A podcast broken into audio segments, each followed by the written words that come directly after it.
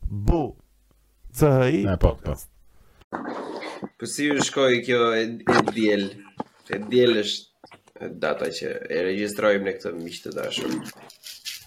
Po. Po një diel pak e vështirë. Ua, dhe për ty okay da. Po, se isha shumë e lodhur edhe doja të pushoja, Në fakt pushova mjaftueshëm, po këto orët e fundit ishin isha pak në nxitim në këto orët e fundit. Nuk isha shumë e qetë. Mhm. Mm Kurse unë orët e fundit keni i qartë zoti Anakonda, hiç fare. Kush është zoti Anakonda? Kush është zoti Anakonda? Do të kem një pyetje shumë interesante. S'e di vërtet? Unë jo. Zoti Anakonda. Ti ke dadi. Ë, uh, anakonda ka qenë ai reperi që ftohej te Zonë e lirë dhe se çfarë po shpjegonte diçka dhe ajo tani ç'i thotë. Nuk jeni shumë i qartë, zoti Anakonda dhe ka mbetur kështu si ë uh, kam parë. Po. Unë vdes edhe për kështu që është biles para dy ditësh po flisja për Ujkun e Cërrikut dhe personazhin tim të preferuar që është Arda Ullxhiu nga të gjithë këta të Arjan Çani. Po, po, u preftë në paqe Arda Ullxhiu. Po, oh, sa shumë e desha atë. Shumë për Zotin. Nëse. ka pasur, ka pasur, ka pasur goxha tipa interesante për sa i përket eh, atij lloj materiali që bën Arjan Çani. Se në atë e kisha un parasysh me juve që të diskutoja këtë temë trash TV, domethënë dhe fiks Arjan Çani është eh, a-ja e çdo gjëje në Shqipëri për sa i përket eh, trash TV. Aty fillon çdo gjë. E, Arjan Çani është interesant se ke pak nga të gjitha, ke nga, ke pak nga të gjitha. Ke trash TV, ke politikë, ke art, teatër, muzikë, muzikë popullore, muzikë moderne, artistë underground, ke të gjitha. Prandaj është interesant, besoj, Çani. Edhe trashin që për të cilin vdesin të gjithë. Po. Po, mendoj që Arjan Çani kishte shumë herë më shumë sukses me personazhe të tilla atëherë kur rrjetet sociale nuk ishin kaq nuk përdoreshin kaq shumë sa sa sot, sepse personazhe të tilla në ditët e sotme bëhen të famshëm në Instagram, në TikTok. Ëm, um, po. Por që Arjan Çani po, ka qenë Mendoj se Arjan Çani ka qenë simbiozë, ta, goxha, sepse Arjan Çani ka nxjerrë, domethënë pjesën dërrmuese të klipeve që qarkullojnë, domethënë të atyre akoma, edhe për, edhe nuk kanë për të vdekur asnjëherë dhe pastaj ata filluan u futën në Facebook-ra, në Instagram-ra, e doli TikToku pastaj që aty po. u mblodhën të gjithë bashkë edhe jep Po ti mendon që i, i bënte të famshëm Arjan Çani, apo Arjan Çani i tërhiqte kur ata ishin duke u ngritur në rrugën e famës, se diku tërhiqnin vëmendjen, apo jo?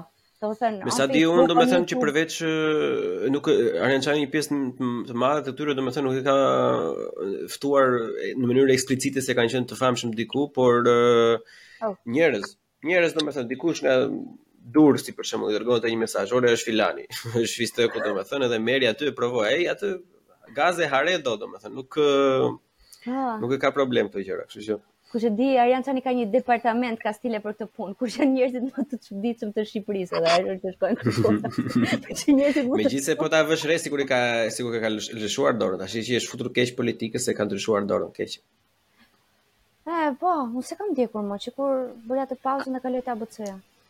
Asu nuk e kam ndjekur më, kështu që nuk jam shumë e mirinformuar për të tashmen dhe me çfarë merret, merret Arjan Çani. Jam akoma, shoh kështu video të vjetra, shoh Kastro Zizon me Zhakun. Ajo është. Do ta marr aty, nuk e di si do ia gjej anën atë Kastro, unë do e marr se s'bën një herë në podcast, minimumi një herë. Po tani është kështu sobre, tani është esëll, nuk nuk lë më nga ato të forta. Jo, lëshon, lëshon perla akoma, se pa shumë tek çaj ka ajo. Um, një gotë më zë. Vejsiu. Jo, Alketa Vejsiut, që i thashë Vejsiu. Uh, ajo më me mhm. kërcimin që e kishte Dance Albe, Dance with me, pastaj u bë Dance Albania, kështu gjërash, edhe kërcente Kastro aty dhe vazhdonte lëshonte perla. Edhe kështu esëll, është nuk është keq, është goxha mirë. Kështu që ta këshilloj. Provoje. Do ta provoj. Goca mirë se erdhët te Buçi Podcast një herë, se nuk u bëmë përshëndetje. Mirë se të Luana dhe Kejda nga podcasti Kompetentet Channel YouTube. Si e klasifikoni ju veten tuaj njëherë?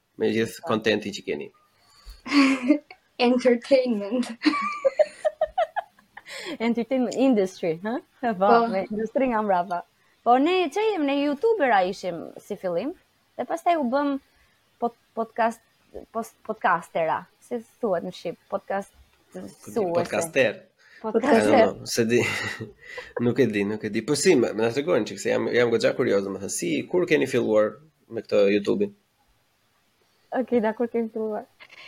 Ne filluam gjatë periudës së pandemisë. Ka qenë viti 2020, kur filluam. Duket kështu si një përjetësi, po, po, në 2020 ne kemi filluar. Në maj kemi hedhur videon tonë të parë në Youtube.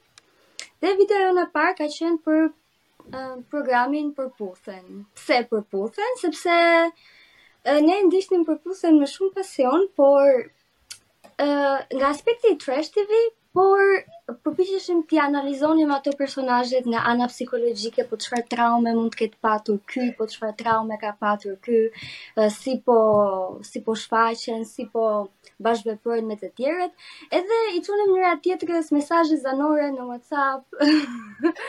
se si për interpret, domethënë mënyra se si interpretonim një episod, episodin tjetër.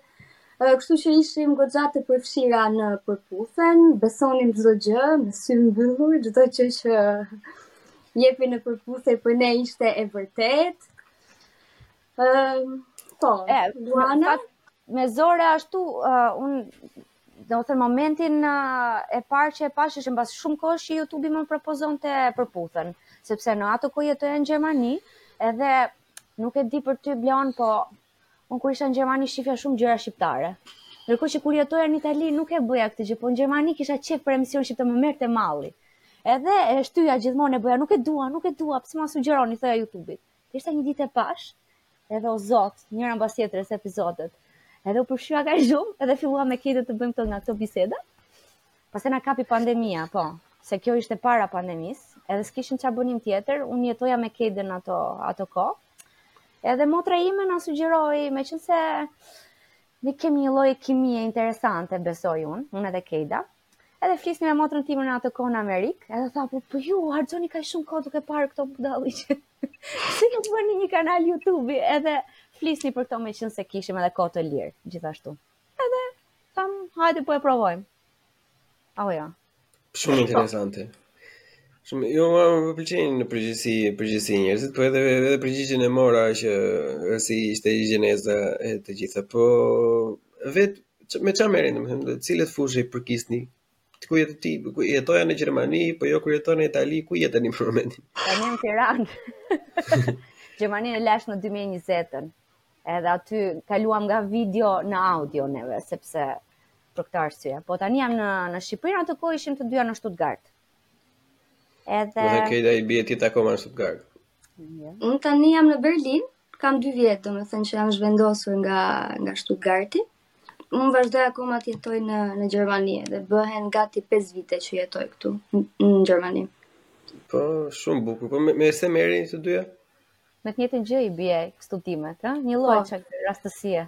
Unë kam bërë në në bachelor kam bërë shkenca dhe teknologji agroushqimore, kurse në master kam bërë teknologji dhe bioteknologji ushqimi. Në Itali kam bërë këto studime. Po. Edhe rezultoi që u takua me Kejdën, oh, edhe ti po, të njëjtën gjë. Po, apo pak ndryshe, çik ndryshe. Po jo, dhe un uh, kam bërë në Pragë në Çeki uh, teknologji dhe bioteknologji ushqimore, pastaj vazhdova masterin në Gjermani për teknologji ushqimore. Edhe tani punoj deri diku në fushën që kam stud, për cilën kam studiuar. Po ti Luana si përfundove në Gjermani kur shkollën e ke bërë në Itali? E po se në atë ko, um, kur un uh, u ktheva në Shqipëri mbas Italisë, um, Gjermania ishte vendi më i përkryer ku mund të vazhdoje eksperiencën tënde, domethënë karrierën tënde. Edhe unë nisa për të bërë gjasme një biçim doktoraturë që pastaj vendosa të mos e përfundoj, sepse isha gati gati afër fundit, po thashë jo, nuk dua ta bëj, Edhe edhe lash, shkova për këtë arsye në Gjermani, të bëja doktoraturën, sepse në ato kohë Gjermania ishte lokomotiva e Europës. Kështu që di është një budalli që kam dëgjuar shumë shpesh, madje kam shkruar edhe te proposali kur kam shkruar për të marrë për të marrë kështu um, uh, di atë ç'ka ajo, DAD-ja? Po. Bursë nga DAD-ja. Është lokomotiva e Europës. Edhe ma dhanë bursën pastaj. Shef, funksionon. Bravo, shikoni miq të dashur këshilla drejtpërdrejt nga Luana si të merrni bursa nga DAD, lokomotiva e Evropës, Grantit. Shiko, përderisa funksionon, it's fair game, kështu që... Ja, ka më shumë sa, shë, po ti është tani, e, e të ma banalizova. Ashtë por... themi, nuk do i themi të gjitha me një episod, kështu që dale. E, do ashtë krish talentin, do ashtë krish talentin.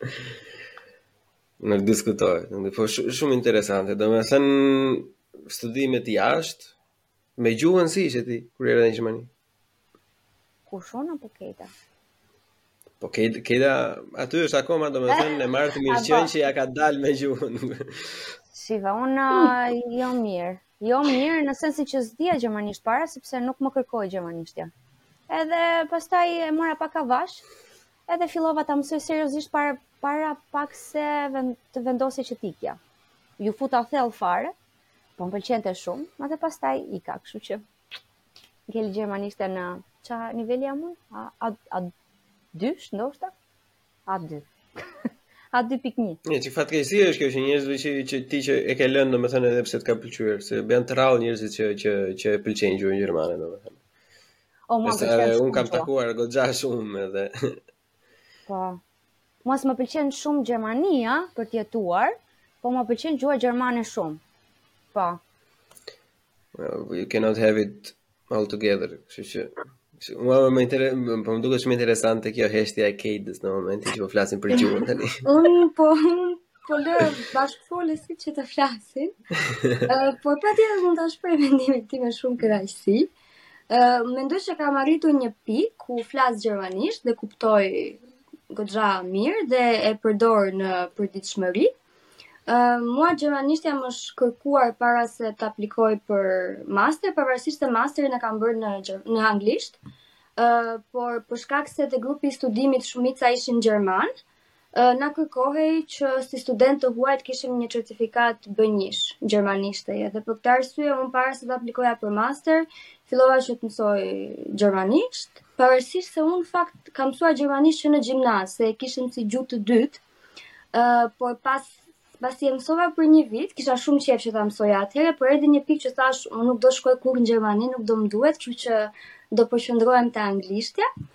Ë edhe hoqa dorë pastaj pas një viti, uh, nuk po e mësoja më. Ë uh, gjithsesi jeta na solli këtu dhe thashë që gjermanishtja duhet mësuar prapë, Kështu që iu futa prapë për ta mësuar. Ëm um, Unë kam një marrëdhënie pak të komplikuar me gjuhën gjermane, sepse uh, pavarësisht se kam arritur një pikë që e flas dhe e kuptoj, më duket sikur asnjëherë nuk do ta flas shumë shumë rrjedhshëm ose nuk do ta ndjej si gjuhën time. Ë, ndoshta më duhet që të kaloj akoma më shumë kohë këtu, por më duket sikur është gjuhë shumë e vështirë dhe është shumë gjuhë ekzakte me me fjalët që përdoren, me foljet, me emrat.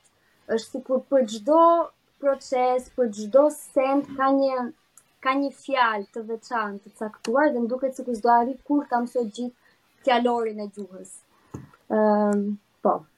Prandaj prandaj është e bukur, po ideja në qoftë se ti je e vetëdijshme që është ekzakte, domethënë dhe ka gjëra shumë specifike, mendoj se mm, në, në pikëpamje të parë bie çik në kundërshtim me faktin që është e vështirë, se më duken më shumë të vështira gjuhët që kanë kështu shumë idioma, shumë shumë sinonime, për shembull, italishtja si u bë, thamë, pavarësisht se mua më pëlqen jashtëzakonisht shumë, domethënë le të themi është diku deri diku për njerëzit që që mësojnë në mënyrë teknike për shkakun që duan është më e vështirë se sa gjermanishtja. Anglishtja për shkakun po, se hmm. neve na duket anglishtja shumë gjë e thjeshtë, ngaqë biem në kontakt të gjithë kohës. Po. po në fakt, në fakt anglishtja ka jashtëzakonisht shumë idioma, ka shumë gjëra domethënë që kur ata i thonë nëse e ke mësuar anglisht me me libër shkolle domethënë nuk e kupton dot. Kupton kurse gjermanisht është kjo gjëja. Pik, mbaroj. Mua ajo nuk ka shqetësuar gjithmonë. Po, uh, unë mendoj që uh, është gramatika e gjermanishtes që është është pak e lodhshme. Se është shumë e komplikuar, ç'është e vërtetë. Po që anglishtja më shumë se sa shqipja apo italishtja? A, aty afer jemi, jemi...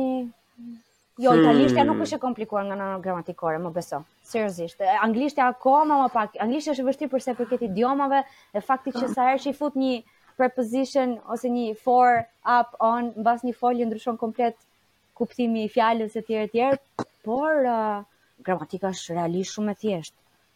Shqipja dhe gjermanishtja. Pse duket gramatika e gjermanishtja, pse duket gramatika gjermane shumë shumë e vështirë? Po, shife, në radhë të parë, në radhë të parë ka tre gjini.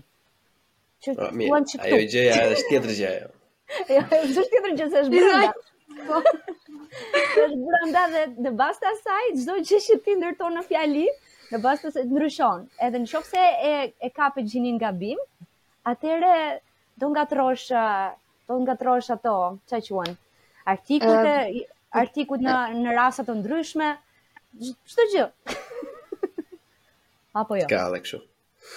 nuk e di, mua nuk më bën shumë përshtypje sepse ë edhe gjermanët domethënë nuk është se mbajnë atë 100% që përdorin der, die, dasin e duhur në çdo lloj fjali, edhe ata vetë domethënë herë herë pas here i i ngatërrojnë me njëra-tjetrën ose thonë ato thjesht ë uh, umgangssprachlich, ato që që i vjen për momentin, domethënë si thuhet në në përditshmëri ose në rrugë, le të themi, kështu që mm. nuk është dhe ndonjë ajo domethënë pavarësisht se i frikson shumicën e studentëve, ajo është nuk është dhe aq shumë e rëndësishme, më shumë e rëndësishme është të kuptosh se si formohen fjalitë. Dhe mua më pëlqen fakti se është gjë shumë teknike, të lejon të bësh fjali kështu që janë gjysmë faqe tek fjali, më vdes për atë. Mua gjithmonë dhe këto fjalitë në gjermanisht, uh, më shqetëson fakti që kur bën një fjali të për, kur ndërton një fjali të përbër, duhet ta vendosësh foljen në fund. Dhe pasi i kam thënë unë gjithë fjalët e tjera e harroj foljen dhe e lë fjalin kështu domethënë pa folje dhe le ta kuptoj Bashkëfolësi vetë për ça po përpiqet të flasë. Po, ajo shumë po, ajo aty ke të drejtë, ajo është. Ajo that's a bit weird. Po, ajo ajo është çik e çuditshme. Po, ajo është shumë e çuditshme dhe mua më ndodh shpesh se mua më pëlqen të ndërtoj fjali të përbëra. Dhe në gjermanisht kam gjithmonë pak frik ta bëj këtë sepse them do harroj foljen dhe në fund gjithmonë i fus atë foljen standarde, machen, bëj. Domethënë, tani kuptoje vetë se çfarë po përpiqem të them. Po ty Laur të pëlqen gjermanishtja? Ja, është zakonisht shumë. Më shiko. Unë kam një marrëdhënie shumë të çuditshme, domethënë se më pëlqen italishtja, le të themi, për për shumë lloje arsye që janë arsye romantike, arti, gjëra të tjera të tjera, plus kemi rënë eh, edhe në kontakt eh, më përpara me italishten sesa gjermanishten, më pëlqen shumë italishtja, po le të themi në këtë periudhë të jetës që jam tani, domethënë vërtet eh, e vëre edhe nga një eksperiencë që kam pasur me profesionin tim, unë, për shkak të degëve teknike, siç është inxhinieria e ndërtimit edhe më besoj gjermanishtja ta thjeshtëson jetën aq shumë Aq shumë sepse për çdo lloj gjëje më të vogël ka një fjalë eksakte. Nuk ke nevojë të mendosh që ça donte të thoshte autori jo po kshu jo ashtu fare. Është një gjë, ai e thotë, pikë, mbaroi. Ose të paktën ky është perceptimi im se mund të jem dhe gabim, e kupton? Po ju keni të njëjtën arsye për ta dashur shumë edhe për për të bezdisur shumë. Shumë interesante, më pëlqen. Po, po, po italisht të duket më. Ka të gjitha. Të duket romantike italishtja? Normal, po po, shumë. Më du më duket, më duket romantike, është mua më pëlqejnë zakonisht gjuhët që kanë tingull, domethënë. Dhe Gjermania ka tingull, por nuk e ka për art, e ka për kështu luftë, zakonisht. po, po, po, për luftë, për luftë, se jam mm. dakord.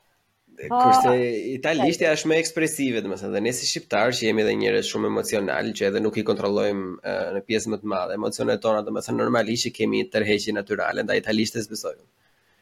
Po, shumë melodioze. Edhe unë mendoj që është më romantike, nuk e di pse thuhet që frëngjishtja është kaq gjuhë romantike, unë nuk e kuptoj pse. Frëngjishtja është shumë e bukur gjithashtu, Po italishtja është shumë më melodioze se në përgjithësi ky tingulli kështu grykor i r-së, nuk nuk është shumë i dashur, nuk është shumë i ëmbël.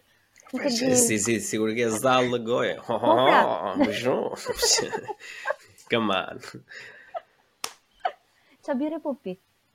Ehm, kjo gjëja që kam te gota tash është BRLO, është diçka handcrafted, kështu është e Berlinit, nuk është aq e mirë. Nuk ah. është aq e mirë, po kam një San Miguel këtu që e bleva thjesht se ishin six pack, po prapë edhe as kjo nuk është e mirë. Okay. You cannot have everything you want all at the same time. Kështu që Po pse çfarë birre? Ti je fanse birrash ti? Unë deri ku, por kam qen, kam qen. Njëherë një kohë. Po, biles mbaj mend, po dreqi ta hajë kam pas telefon tjetër në atë kohë, edhe më ka humbur, kam provuar një super birrë që ishte e Berlinit, kur kam qenë Berlin para disa vitesh. Po ishte e mrekullueshme. Se më pëlqen në çdo vend që shkoj të provoj birrat lokale, po nuk mm -hmm. e mhm. di fare çfarë emri ka, nuk e mbaj mend. E mbaj mend të paktën ku e ke provuar? Po në një restorant e kam provuar, restorant kinez. po fiks e Berlinit që nga pra. dhe pastaj, pastaj e bleva dhe në supermarket se e gjeta dhe isha shumë e kënaqur. Provova disa dhe kjo ishte shumë e shijshme. Tashi na ke bërë kurioz, ke që fare të ashtë i kushë, kjo birra e Berlinit shumë e mirë. Ose, ngaqë unë ekzaltohem shumë për gjëra që më pëlqejnë, duket sikur Kush e di si janë, ndoshta s'është shumë gjë, po ç'është, seç më bëhet mua sikur kishte një p brenda, një p te emri, po, nuk e di, ose ëndërr e kam. Beers that have a P. Po, tashi, në qofë se, në qofë se ke fjalën për Berliner Pils, Jo, jo, jo. Ose Berliner Pilsner që i thonë, do ishte shumë sad. Jo, jo, si që është një pasi për atë. Një fjalë, një fjalë, nejse, nejse, do ta gjej një ditë. Iku tashi. Iku, iku. Ai fansat e birrës të shkruajnë komente të gjithë tashi cilën birrë mendoni ju se Luana ka në mendje, është birrë e Berlinit që ka një p brenda. Ndoshta e ka brenda.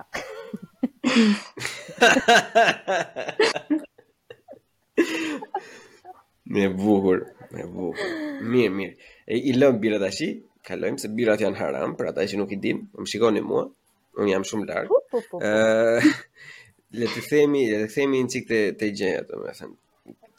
Cilë çfarë gjeni tërheqëse ju në në Trash TV, domethënë? Çfarë janë të elementet specifike që ju ju tërheqin atje, domethënë që do fillojmë tashi do flasim ne, dëgjoj. 3 orë. Pavarësisht se episodi mund të jetë më i shkurtër, po unë jam e bindur që ju flisni akoma më shumë shumë për to.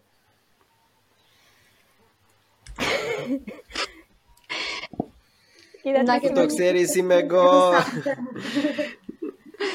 Syzet, uh, po, çfarë neve na pëlqen në, në Trash TV? Uh, unë sa herë që jam e lodhur nga përditshmëria dhe dua të qetësoj pak trutë, them pse të mos shoh diçka të thjeshtë, diçka argëtuese.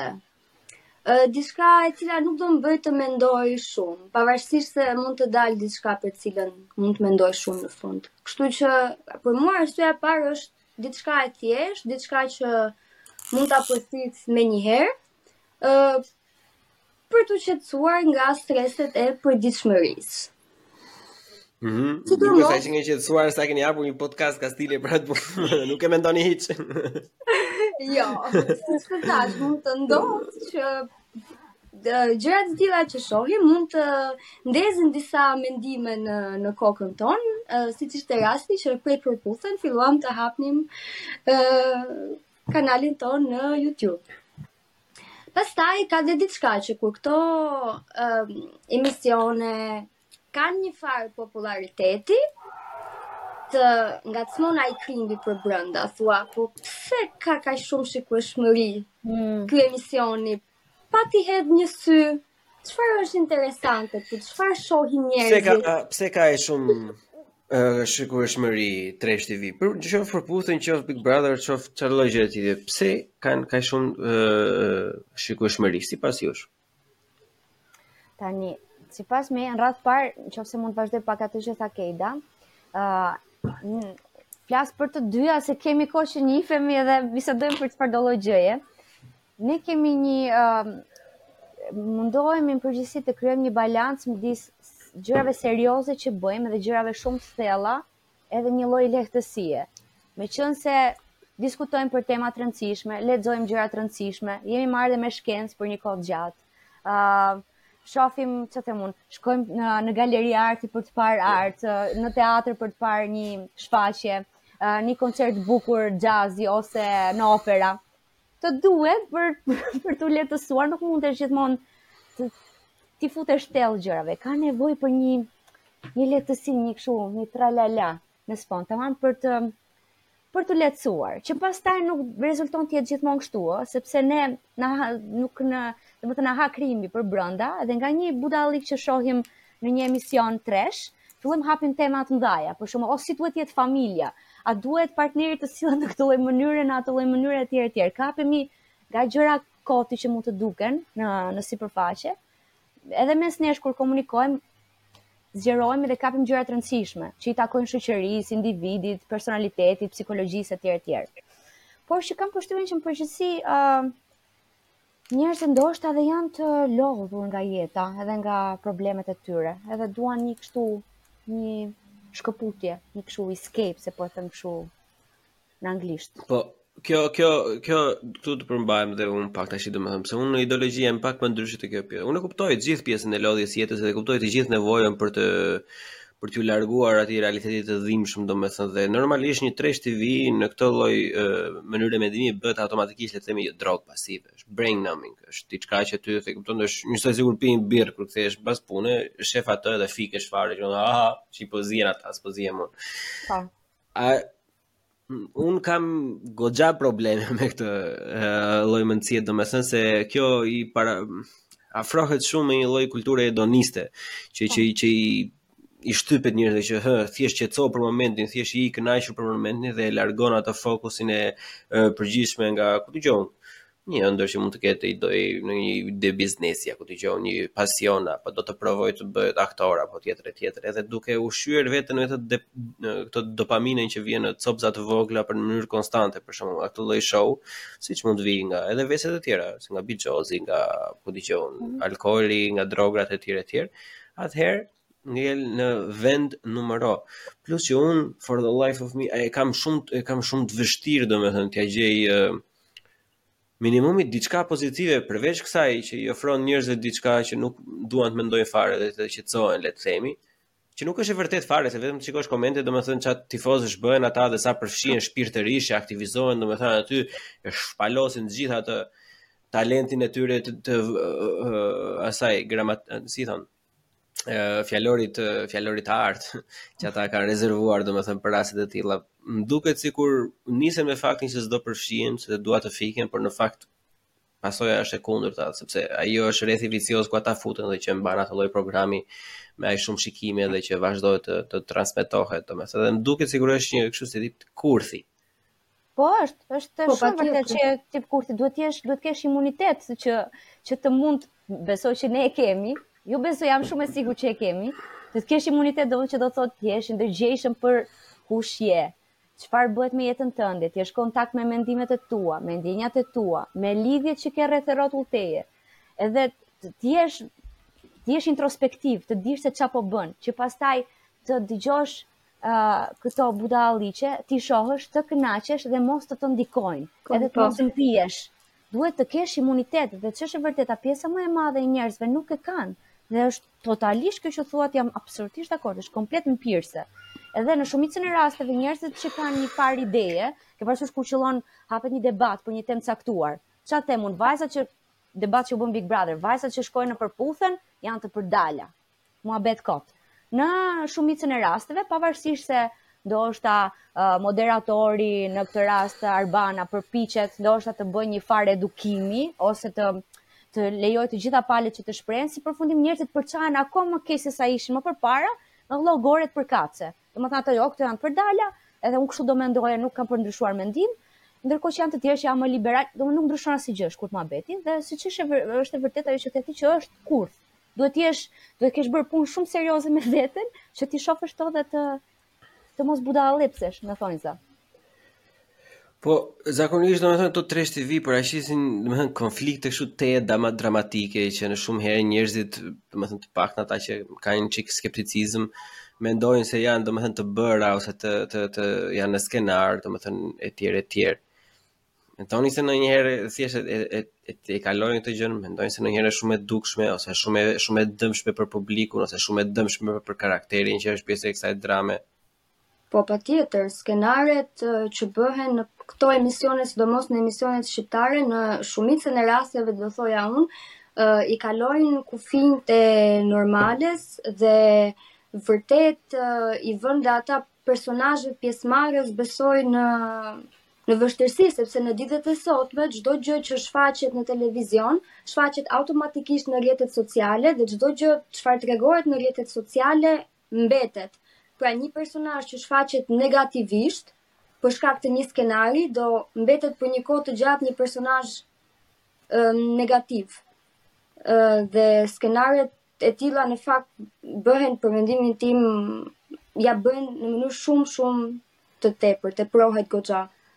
Por ata që krijojnë skenaret mendoj e bëjnë me qëllim këtë gjë dhe zgjedhin pikërisht ato konflikte që dhe do tërheqin më shumë vëmendjen e publikut, sepse ata e dinë se çfarë do t'i çfarë u intereson shikuesve, çfarë i intereson shikuesit mesatar. shqiptar.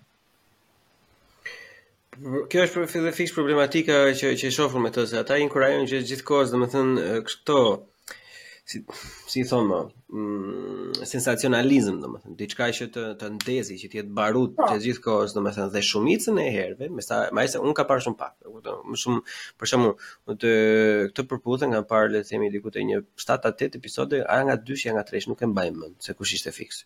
Edhe ti ke parë nga Big Brotherin. Aha ti ke parë nga treshi. Nga treshi ne s'kemi parë se pasi ndodhi një skenar shumë i famshëm atje te Përputhen dyshi e hoqëm dorë dhe nuk ti aty po shumë von Bleoni te treshi. Po. E atë. Me duket me duket se dyshi është, është ajo që e fut njëra me plumb, nuk e di unë, që tha për 5000 lekë për I don't know. Nuk është ideja është që këtë Big Brother domethënë e kam ndjekur vetëm nga rrjetet pastaj edhe Po ta vini re ky sensacionalizmi krijohet jo shumë e tërë kohës, po pjesë më të madhe të kohës krijohet nga këto stereotipet më negative të ndryshme, domethënë, si për meshkujt si për si për femrat, janë stereotipet më negative ë që që reklamohen domethënë, edhe pavarësisht se ata duan apo s'duan se karakteret futen atë, është apo s'është skenar domethënë, ajo përcillet publikut. Edhe siç e the ti Luana përpara, e kupton që nuk ka një çdo njeri kapacitetin për ta ndarë shapin nga sheqeri tashi. Atë ama aq shumë fëmijë sa e shohin atë, domethënë siç u bë atëherë me Përputhen që vinin kur vinin ata për qytet e bënin po. si si si indi, domethënë që ishte ishte shumë sad një moment ta shifje. Normalisht do sillen në atë lloj mënyre. si fëmijë. Po, po, ajo s'diskutohet, po nga ana tjetër shife, unë nuk, nuk e di a është e vërtet, por që këto stereotipat që promovohen, kanë edhe sukses sepse përfaqësojnë pjesën më të madhe të popullit shqiptar. Pjesa më e madhe e popullit shqiptar është si Luizi. Prandaj Luizi është super fenomen. Unë mendoj që këta prandaj bëhen të suksesshëm sepse njerëzit shohin veten e tyre në një farë mënyre të përfaqësuar. Edhe shumica e këtyre personazheve të Trash TV janë njerëz të cilët nuk dinë të komunikojnë, janë uh, pak harbut, janë nuk janë shumë të edukuar, kanë uh, ideale të një lloj natyre që përfaqëson është si pasqyrë në një farë mënyre e mesatares shqiptare. edhe për mendimin tim, për këtë arsye edhe ndiqen. Domethënë nuk nuk besoj që ky stereotip ti mund thuash tani, ok, po ne që kemi në dorë mediat, pse mos të propozojmë diçka më të mirë? Në mënyrë të tillë që njerëzit ta shohin edhe të ndoshta të të zbulojnë që ka aspekte interesante. Bëhet edhe kjo, por njerëzit kanë tendencë të mos e ndjekin se ka programe të mira gjithandej, ku të duash. Edhe në kanalet italiane, meqënëse ti i ke ndjekur, programet më të bukura dhe interesante dhe edukative janë te Rai Treshi, në ora 12 natës, a kupton? Kurse në prima serata, që i bje në ora 9 dhe baba bum, sherr, e tjerë, e tjerë. Kështu që është një fenomen i përgjithshëm, nuk jemi po. ne në përgjithësi. Njerëzit janë shumë pak ata të cilët duan të përmirësohen. Kam përshtypjen. Është e mundimshme, është e lodhshme, a unë jam rehat, jam mirë kështu si jam. Pse duhet unë tani të rri të mësoj të të vras mendjen për Ok, si mund të bëhem njeri më i mirë, si mund të edukohem, çfarë mund të mësoj të re. Është e lodhshme, është punë ajo. Jo, ja, Luana, shiko të të jap një shembull tu. Nëse mban mend atëherë se ato që unë kam parë ka qenë njëshi dhe dyshi më duket te Big Brother. Atëherë kur ka qenë risi në fillim, domethënë, po ta vi re për të gjitha për të gjitha gabimet që ata kishin. për të gjithë le të themi mangësit apo le të edhe këto stereotipe se ato ka pasur stereotipe nuk është se ka qenë tani.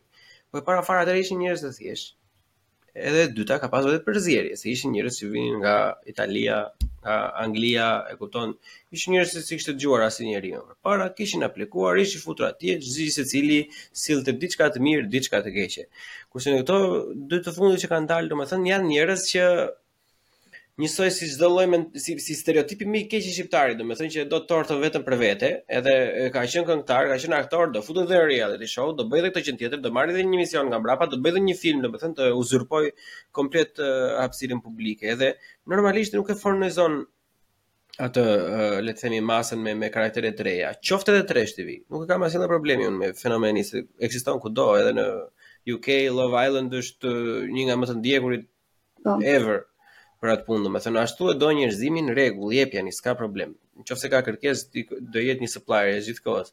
Po ideja është që këtu më duket sikur, domethënë, jo më duket, po është vërtet që kanë hequr dorë fare nga çdo lloj risie, domethënë, dhe janë gjithë gjithë kohës drejt klikut, gjithë gjithë kohës drejt centit të fundit që ata duhet të bëjnë. Dhe më duket pak fatkeqësi që ne nuk kemi as njerëz, as regjisorë ose krijues, producentë të show-ve, domethënë, që të paktën të ndërmarrin një risk, të sillin diçka të re, ore t'i fusin një spice tjetër domethënë, po vetëm me receta. Mund ta bëjë të njëjtën gjë, ai që të jetë trash TV, po ta bëjë pak më ndryshe, të sjellë një risi, të sjellë një krijim, diçka që është prona e tij intelektuale, domethënë. Ata kanë hequr dorë nga çdo gjë. Po në fakt gjithmonë um, perëndimi merret si model edhe për këto programet. qoftë Përputhen, qoftë Big Brother apo Love Island, këto të dy pro, programet e fundit janë gjithashtu programe me patentë dhe ne kemi gjithmonë sytë nga perëndimi dhe duam të krijojmë uh, emisione trash TV të tilla që krijon dhe perëndimi. Uh, pastaj për sa i përket uh, krijuesve që të marrin përsipër rrezikun edhe të krijojnë diçka që është risi, në fakt Ka në televizionet shqiptare, ndoshta trash TV mm. nuk e di, besoj se jo. Kjo do ishte vërtet diçka e re, do ishte risi. Uh, po për shembull ke seriale të krijuara nga shqiptarë. Ëm um, tani a shikohen ato aq shumë sa të shikohen Big Brother edhe Përputhen apo apo emisione të tjera. Normalisht që jo. Ja për shembull, ka Moza Ameti, unë se dija, ka një emision, kush e di sa interesant ka qenë, po e zbulova para pak kohësh te rtsh Që Moza Ameti vetëm ta dëgjosh të flasi për jetën e saj në përgjithësi është super cool, po që po. nuk e dija dhe nuk e kam ndjekur ndonjëherë. Ka gjëra të bukura dhe po për sa i përket Trash TV-s kam përshtypjen, ata të cilët bëjnë këto lloj programesh janë të tërhequr nga leku, nga shikueshmëria dhe pse duhet ai zotria të rrezikojë dhe të vrasi mendjen të të krijojë diçka që është Cilësi, domethënë që është trash, që është budallallëk në fund fundit, nuk ka vlerë artistike, kur ka receta që janë funksionale, që janë provuar që prodhojnë lek. Atëherë, meqenëse unë për qëllim kam, uh, nuk kam të krijoj art, ose të edukoj, edhe dua vetëm të krijoj rrëmujë, ja ku i kam, po e blej, po e praktikoj në Shqipëri. Sepse një person që do të jetë kreativ, ndoshta zgjedh një rrugë tjetër për të qenë kreativ. Kam përshtypjen unë. Po, unë do të ndalem pak tek ajo që tha Kejda përpara, domethënë që marrim nga perëndimi. Dhe kjo është e e e, e kuptueshme, domethënë. Unë para shumë kohësh kam bërë një monolog që kam shkruar te Sfungjeri sepse unë atë besoj e, e besoj që ashtu jemi ne si si kulturë domethënë. Se ngaqë jemi të varfër edhe injorantë deri diku fatkeqësisht etj etj. Unë kam shkruar atë monolog Sfungjeri për vetëm një fakt, domethënë se të vetmet gjëra që ne marrim nga perëndimi janë këto Trash TV-të, domethënë është njësoj si sfungjeri që kur e kalon te pjata vetëm pislliqet nxë, se pjata e pas e pastra ngel atje, nuk diskutohet. Edhe ka një lloj disbalance po ta vini re në televizionin shqiptar edhe në të gjitha, nuk nuk po ndaj as RTSH-ja as leshi preshi, domethënë se edhe RTSH-ja ka pasur personazhe TikToku vetëm për të ngritur shikueshmërinë për atë punë. Po që Në këtë mënyrë që është duke u zhvilluar në Shqipëri për shembull ka një lloj disbalance, e kupton sepse në në këto uh, western world, domethënë komplet ka dhe gjëra me shkencë, ka kështu uh, quiz show, e kupton këto Who Wants to be a Millionaire, ka një gjë tjetër, ka talent show, shumë herë më shumë se talent show se sa kanë në Shqipëri edhe ne të themi të drejtën një gjë që duhet të jemi krenar, nuk është se kemi pak njerëz që kanë talent. Ne kemi njerëz që kanë, domethënë kemi një masë të madhe që ka talent. Se sa talent ka është tjetër gjë pasaj. Domethënë ka shumë, ka pak, do të punojë, do të punojë është tjetër, por ne kemi një masë të madhe, ne nuk kemi mjaftueshëm. Nuk kemi mjaftueshëm, ka pak, është ajo si e kishte ajo që kishte ai Eno Popi atëherë, domethënë që ishte 1 milion, s'ishte jo, 100 milion. 100 milion, diçka e tillë domethënë. E kupton? Shiko, po unë me atë ne ishim si familje ato kohë që e ndiqnim domethënë edhe im atë me mua vinte në provë domethënë që sa gjëra dija. Se me një çikë frikë nga kjo ana. Po, na hapi ca kujtime që nuk e dija që i kisha akoma në kokë. Nuk e din nëse ju kujtohet edhe kutia e fundit me Enkel Demin.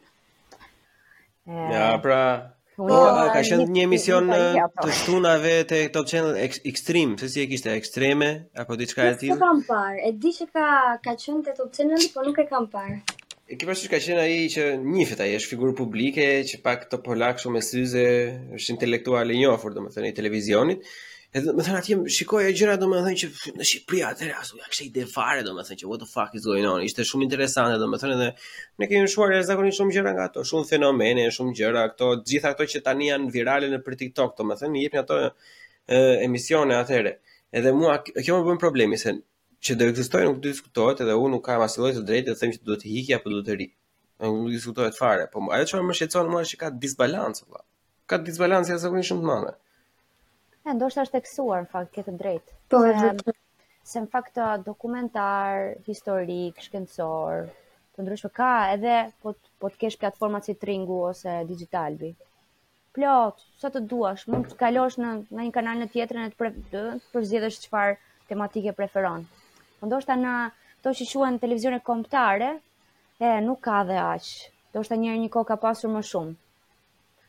Dhe e bukura që këtë fazën unë e kam humbur sepse jam më e madhe se ju dhe në atë kohë nuk shifja atëherë se isha në Itali atëherë nuk ishte YouTube, e kështu gjëra, kështu që nuk e di në fakt çfarë është bërë atëherë. Në atë kohën e Eno Popit, e kam humbur atë pjesën, ose këtë Extreme, po. nuk e kam parë. Po ndoshta ka qenë më mirë. Ka qenë më mirë. Ka pasur shumë gjëra interesante, mbase shikueshmëria nuk do ketë qenë asnjëherë për shembull ashtu siç mund të jetë me Përputhen apo me Big Brother, se nuk është aq sensacionale, është një gjë që ty të lë mbresa, e kupton? Se shiko, për ne për të kënaqur veten tonë shikonim Dragon Ball, shikonim Naruton, e kupton gocat, jo vetëm gocat, edhe edhe ky ka pas edhe djem, shihnim jo telenovela Rubi, jo, Rebele, çka kanë qenë ato meksikane atë. Rebele Ose ajo, nuk e di pse ashtu e kishte emrin. Motra ime shihte se është mosha juaj, po, Rebelde Way. The Way, s'e dija që ishte rebel, unë dija se ishin rebele vetëm. Më duket se Rebelde Way ka qenë versioni argjentinas, nëse nuk gaboj. Ndoshta jam dhe gabim, kurse versioni meksikan ishte Rebelde që jepej te Vizion Plusi çdo ditë në orën 15:30. Ajo te Vizion Plusi, domethënë. Po. Po, po, po shiko, po këto kanë qenë, domethënë, kështu, në këtë lloj mënyre jemi rritur, domethënë, edhe normalisht ka pasur impresionim se ato, kur kam qenë në nëntëvjeçare, për shembull, ato gocat gjithmonë dëgjonin këto këngët e këtyre rebele, prandaj, mbaj, mbaj, Po. Mend unë, domethënë, po mua thjesht nuk më kanë tërhequr asnjëra dhe më dukej shumë vdekje. E vetëmja gjë që kemi parë, nuk ka qenë një Rubi, nuk e di çfarë, se seriali vërtet quhej Rubi. Po, kush, ajo telenovela meksikane? Po, po. Po, ajo është super tresh. Po pra, po, ajo është super tresh, domethënë, po atëherë unë kam qenë, po pra. Që Atë e ka parë gjithë Shqipëria, ma më. Po, e kemi parë, aty kemi mësuar spanjisht për herë të parë, ka qenë ah. gjakë dukues. Unë kam pasë kushërira që shihnin atë Gruaja e Judës, çka kanë qenë ca të tjera, ka pasur pafund atëherë. Po, Gruaja e Judës, ose. Është shumë e frikshme Gruaja e Judës. e Judës. Ishin disa veta kush ishte? I don't know. Mbaj mend fundin tani. Seç e hapa këtë temë para ca kohësh. Nejse, pa rëndësi.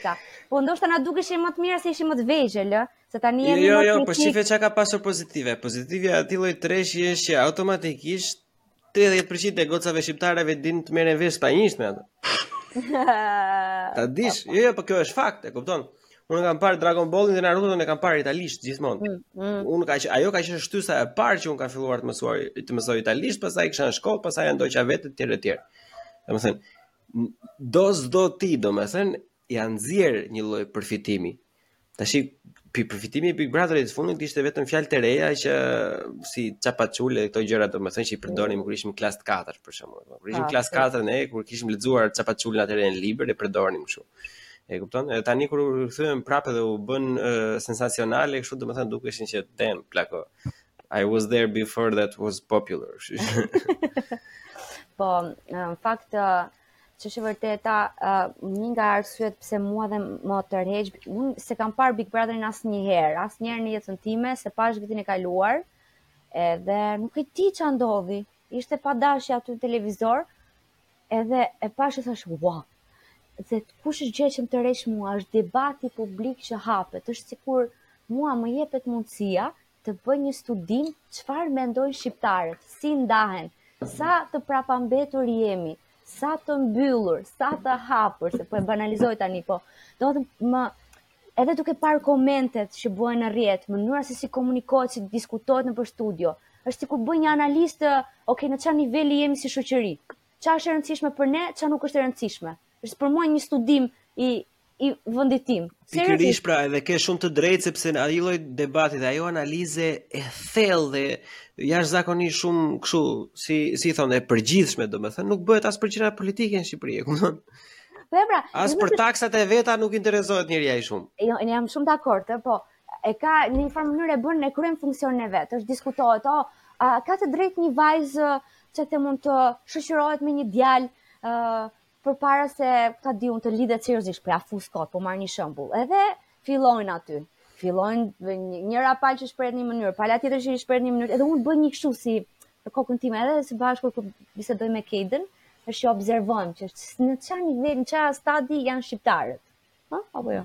Po, këtë, domethënë, me këto merremi ne sa herë që shohim diçka të këtij, të këtij lloji. Edhe mendoj në qoftë se emisione të tilla, ndezin diskutime të tilla, nuk është diçka totalisht negative, sepse ne mund të ndajmë mendimet tona, mund të mësojmë nga njëri-tjetri, por problemi është që njerëzit përfshihen më shumë se ç'duhet dhe kanë mllefe të tjera, edhe nxjerrin që t'i shfryjnë aty, ë uh, kundra personazheve, uh, gjykojnë, uh, përdorin një fjalor aspak. Okej, okay, dale, m'u bëj çik specifike, mos më fol si Edi Rama tashi, bëhu çik specifike, domethënë që ca ca çfarë gjërash të këqija nxjerr. Çfarë mllefesh nxjerr? Ça janë problemet në shoqërinë shqiptare? Hajde, se e di unë që me meshkujt e ke ti, përderisa ajo përmendi jo. Luizin përpara normalisht. Jo, jo, e kisha vërtet në përgjithësi, sepse uh, personazhet femra, për shembull që marrin pjesë në uh, Trash TV, do gjykohen për çfarëdo lloj gjëje që thonë. Po dhe meshkujt do gjykohen për çfarëdo lloj gjëje që thonë. Po pse mos të gjykohen?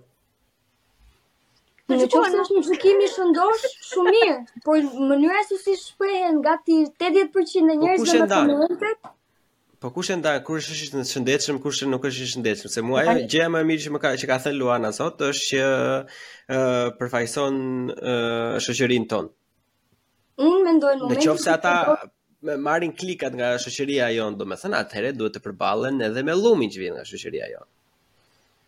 Jo, jo, ata do e marrin përsipër riskun, është shumë e po. sigurt, duke ditur në çfarë vendi jetojmë, mos mund të pretendosh domethënë të duash të bëhesh i famshëm dhe të thosh më kapi ankthi, sepse më thanë ti je plehrë edhe je, je vajzë rrugësh. Uh, A këto do t'i presësh nga këta njerëz, nuk është normale që të bukur e tham që vajzë rrugësh. Po ça tani se si do të. Po që kjo, kjo, kjo që tha Keda, unë e vlerësoj shumë që hape debatin publik. Po në vend që të diskutohet në mënyrë konstruktive vetëm shan. Nga e di ti që unë jam kështu, ti mamaja jote të ka bërë ty, edhe ti s'merit në këtë lloj mënyrë, kështu di ça mamaja e ke ti, ti s'meriton as të, të po, shara nga Ska në lojë. Në momentin që përdoren fjalët banale, me thënë të drejtën nuk mendoj në këtë lloj konteksti. Ë uh, nuk mendoj që mund të dali diçka e bukur dhe e shëndetshme nga një diskutim i tillë. A në qoftë se ne për shembull diskutojmë, ok, a duhet të bëjmë fëmijë në këtë moshë, a duhet të martohemi në këtë moshë, siç u martua Luizi me Kiarën, a duhet të martohemi pas tre muajsh, pasi kemi qëndruar tre muaj me dikë, dhe fillojmë dhe tregojmë përvojat tona ose mendimet tona dhe dalim në një përfundim, atëherë është shumë bukur. Nuk shoh ndonjë efekt negativ të të trash TV, por nuk mendoj që të gjithë e shohin kështu ose përfshihen në këtë lloj mënyre. Okej, Dan, në cilën moshë duhet të martohen njerëzit dhe sa kohë duhet të kanë njohur njëri-tjetrin që të martohen? Shiko, njerëzit mendoj duhet presin pak më shumë se 3 muaj. Minimumi 4. A ti nuk beson në dashuri me shikim të parë? Unë besoj në dashuri me shikim të parë, por jo në martesë me shikim të parë. o zot, si janë si janë këto pytje që nisa, meqë ra llafi, nisa Love Island, e nisa ta shifja. Edhe ç'janë ca pyetje që bëjnë kta njerëz, e them drejt apo kshu. Ky ishte edhe kurioziteti jonë në fillim fare me Përputhen. Si njifen njerëzit në Shqipëri? Imagjino ke gjithë ato vite që nuk jeton në Shqipëri, edhe ke të tjera lloj marrëdhëniesh, njifesh me njerëz që nuk janë shqiptarë kryesisht, edhe si bëhen këto dejtet, se tani përdoret kjo, si, si njifen çunat dhe gocat në Shqipëri, dhe ne ishim kaq kurioze, Edhe shumë shpesh ca pytje idiote dhe te Love Island. Ça lloj mashkulli të pëlqen ty? Ça lloj pytje është kjo? Dhe ça lloj femre? Ça lloj pytje është kjo? Dhe më nuk e di, nuk e kuptoj. Unë s'e kuptoj pse e bën këtë pytje në këtë moment. Je xheloze? Je xheloze? O zot, nuk e di domethënë. Në shumë që ditëm.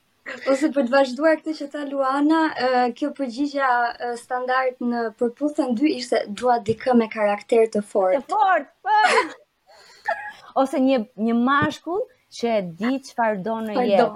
Sepse unë e di çfarë dua në jetë dhe jam shumë e sigurt Po si e di çfarë është një tjetër apo thika, e di çfarë është thika me dy presa e këtyre se unë kam vënë re këtë, domethënë, edhe unë jam goxha shumë i ftohtë për këto gjëra, sepse këto thonë që një mashkull kur dua një mashkull që e din çfarë do në jetë, kur i qellon një në 10 meshkuj që thotë di çfarë dua, unë dua një grua që ta mbaj në shtëpi të më lajë të më gatuaj ti thonë që ti je player me drejt e tyre e kupton po që tani ti ose e, e do ça ai do që ta dinë ça do ose s'e do tani ai e di se ça do dhe ti po e gjykon për ato ça do është është është aq cinike domethënë aq është patetike saqë e kupton kush njifet njëri tani tani eksperienca unë nuk e di se si është eh, dating life për juve, po me ça kam kaluar unë domethën, nuk ka qenë asnjë date i bukur kur fillon do dalim në date. Hm? Ne do dalim nesër, do vemi në date. Pa. Ajo është shumë fucking weird, e kupton? Ai thjesht ndodh plak. E kupton mirë aty ai, ti e njeh atje, e njeh këtu. Pastaj del ikën atje. E po kjo është jo, për po... ty që e, s'e paske të vështirë që të njohësh au ju, se ka ca njerëz që kanë shumë vështirë. Edhe bëjnë kështu arrangements para, për shembull, si shkon në dating app, për shembull, siç bëjnë shumica po. amerikanëve dhe do dalin në date, se ku do njifen ata të shkretët, a kupton më gjithë jo, ditën. Unë kam atë të jam zakonisht shumë i seksuar dhe un as nuk e mbaj veten as për kushedi gjë, unë një person që ka pasur enriched dating life asnjë lloj gjëje, domethënë, po kam Ase e ke, e ke, se duket. jo, jo. Te nuk nuk e di pse më ka dalë një nam i keq nëpër TikTok, po fare, fare, domethënë se un jam jam shumë kundër kësaj gjëje, un jam më pëlqejnë shumë gjëra natyrale, domethënë dhe gjëra të pashtirura, pa i harxuar kohë njëri tjetrit, pa e vënë njëri tjetrin në në kushte, pa ja thënë jo po ti ishe perfekt, po mos të kishe këtë, jo këto e kupton se këto janë gjëra idiote për shembull, ke pasur çfarë mashkulli të pëlqen. Mua më duket se është mashkull, në qoftë se ti je një mashkull që e pyet gocën se çfarë mashkulli të pëlqen në date, është pak si really. Po më duket really, se e bën me vërtet. Ti duhet të po. jesh, ti duhet të jesh mashkulli që ajo pëlqen edhe ti nuk duhet nuk duhet të interesojë fare se çfarë i pëlqen asaj, sepse ti duhet të reklamosh veten që ta bësh atë të mendojë që ti je mashkulli që ajo pëlqen. Ça kuptimi është kjo? Jo po më thuaj ti mua çfarë pëlqen që un po. pastaj të sillem sikur jam ai që pëlqen ti. Po kot fare, një ça janë këto pyetje robi nuk njifet kështu. Thuaj, ok, më një pyetje më mirë për ta njohur një person është çfarë ke bërë dje. Po. Seriozisht, që ta dish ça lloj jete bën dikush. Ha, kush është gjëja më e mirë që ke ngrënë javën e kaluar? Ça ke bërë dje ti Luana? Ah, vet. Luana, ua, të mbahet mend. O zot, ça ishte dje? Dje kam mësuar gjithë ditën se kam atë provimin nesër. Kam gjithë ditën kam mësuar dhe pastaj për të më zënë gjumi pashë një. Ah ça brezi jemi ne për të më zënë gjumi pashë Love Island. jo, jo, jo, jo, jo, pashë një film, jo, e ngatërrova, pashë një film që e kam parë njëqind herë, se kështu, nuk e di kot, edhe Knocked Up. Po na e thuaj. Po film koti, një film kështu. E po na e thuaj atë që? Knocked Up me uh, me atë Seth Rogen që e Seth kalon, Rogen, okay. Që kalon një natë me këtë vajzën që e Kathleen Hale si e ka ajo emrin, edhe ajo ngel shtatzënë etj etj, po ka shumë batuta brenda. Është Ai dhe Kejda që nuk besonte në martesë me shikim të parë, ajo shtatzënë me shikim të parë, shikon ti. Rion. Është një film kush e di se çfarë është. Ça janë problemet, problematikat më të mëdhaja, domethënë, të shoqërisë shqiptare, pastaj meqë dalim nga Trash TV dhe jo pasqyra drejt se tani, ça mendoni ju, domethënë, që janë, hajde, tre njëra, tre tjetra. Mm. Me të...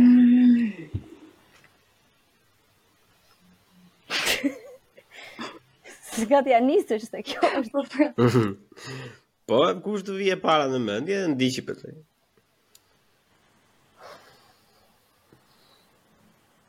Kur mendoj shumë, do të thënë që s'ka problem. A shumë? Jo, jo. Ndoshta kjo është që ka problem. Po pra, përplasin gjithë apo njësh, po në çfarë aspekti e ke fjalën se shoqëror, vetëm shoqëror, ekonomike politike dim ne. Ah, ekonomike politike jo. Na okay. Jo, jo. Le t'ia lëmë, i bën Fevziu ato. Ne bëjmë më mirë se Fevziu. Ah. Uh... Po Nuk jemi qeros. Do të jesh qeros për të. Prit të mendohem pak unë. Po pra. Shoqërore. Hë, Kejda, se ti the ka shumë. Po. Hajde, ça të shqetëson ty?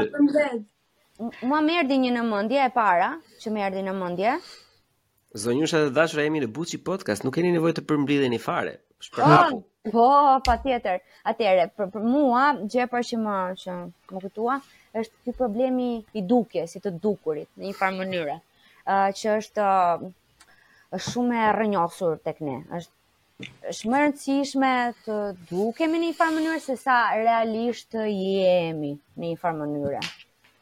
Edhe Edhe është shumë problematike sepse sa them unë, në radhë të parë nuk njohim asnjëherë veten. Ë, uh, cilat janë uh, nevojat tona, dëshirat tona, ëndrrat tona etj etj. Edhe ku duam të arrijmë. Përpiqemi thjesht të marrim të huazojmë një imazh që, që supozohet i suksesshëm dhe i pranueshëm, edhe e bëjmë tonin edhe paraqitemi në atë lloj mënyre. Edhe kam përshtypjen që ky është problem serioz. për mendimin tim. Ja, një nga Luana tashi Kelda po. ti.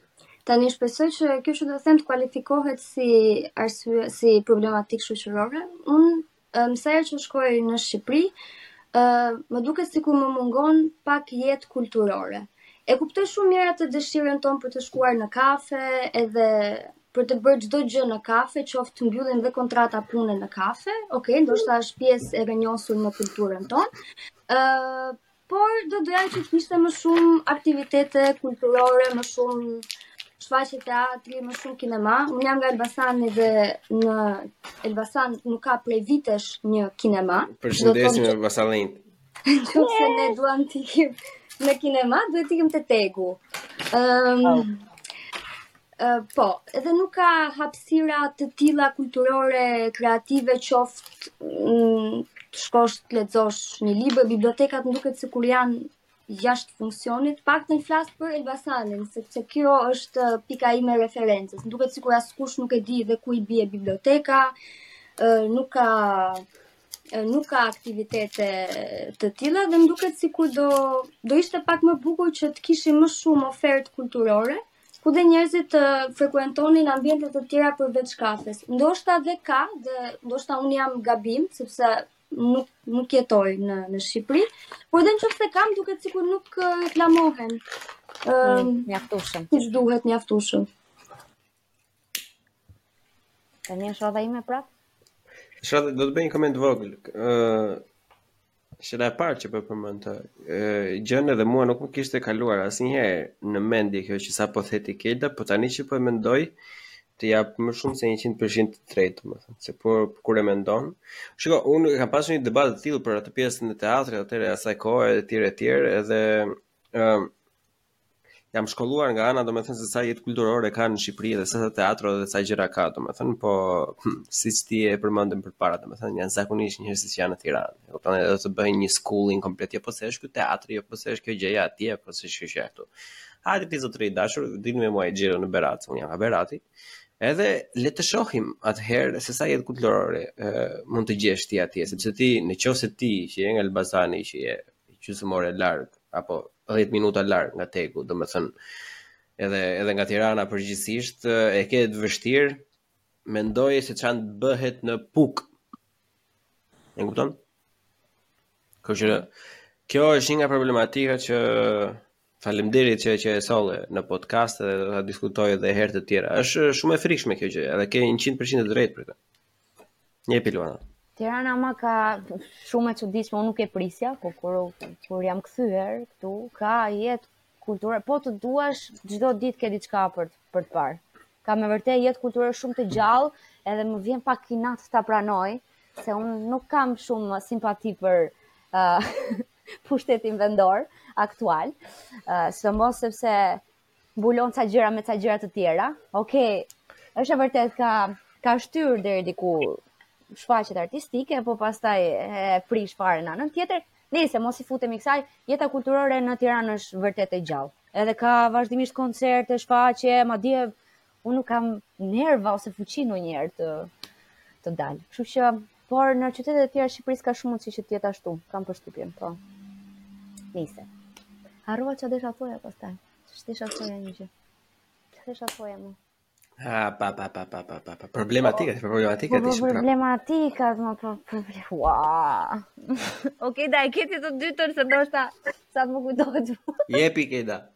Jo, nuk e kam akoma.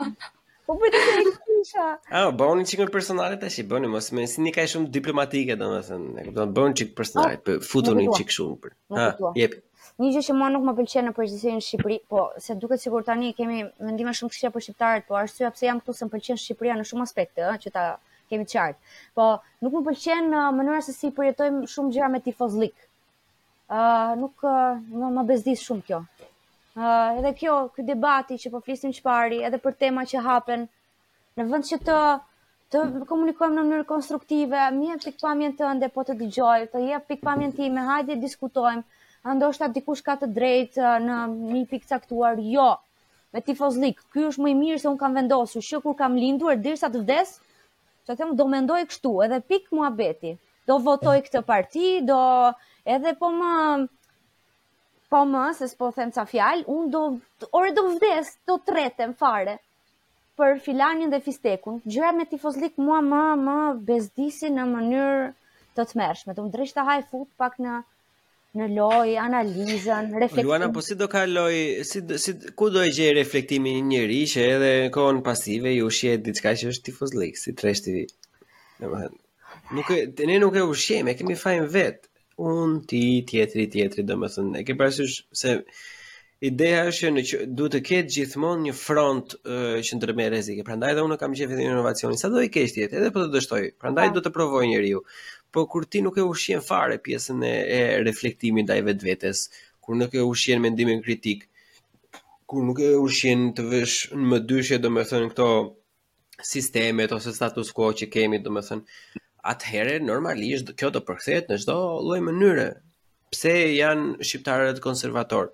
A keni dhënë ju mënyrat, atë anën e bukur të liberalizmit? Nuk e keni dhënë. E vetmja gjë që ka ardhur nga liberalizmi në Shqipëri është uh, consumer uh, consumer culture, është uh, dating life, është hedonizëm në kuptimin më të bukur të mundshëm, domethënë, edhe ne jetojmë në një distopi, domethënë që Shqipëria është telenovel për asaj pune, sepse ne kemi njerëz shumë konservativ që jetojnë një jetë jashtëzakonisht shumë hedoniste që nuk bë kuptim, këto nuk përputhen me njëra-tjetrën.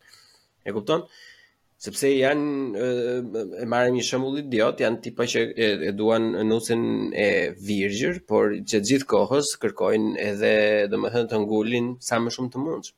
Kjo është për të ardhur keq, domethënë, e kupton sepse një individi të tillë nuk e kuptohet dot hipokrizinë e vet. E kupton? Edhe ajo është çdo, lloj Covidi, çdo lloj gripi, çdo lloj AIDS-i, nuk e nuk është aq keq sa është kjo. Kur njeriu ka rënë në kurthin,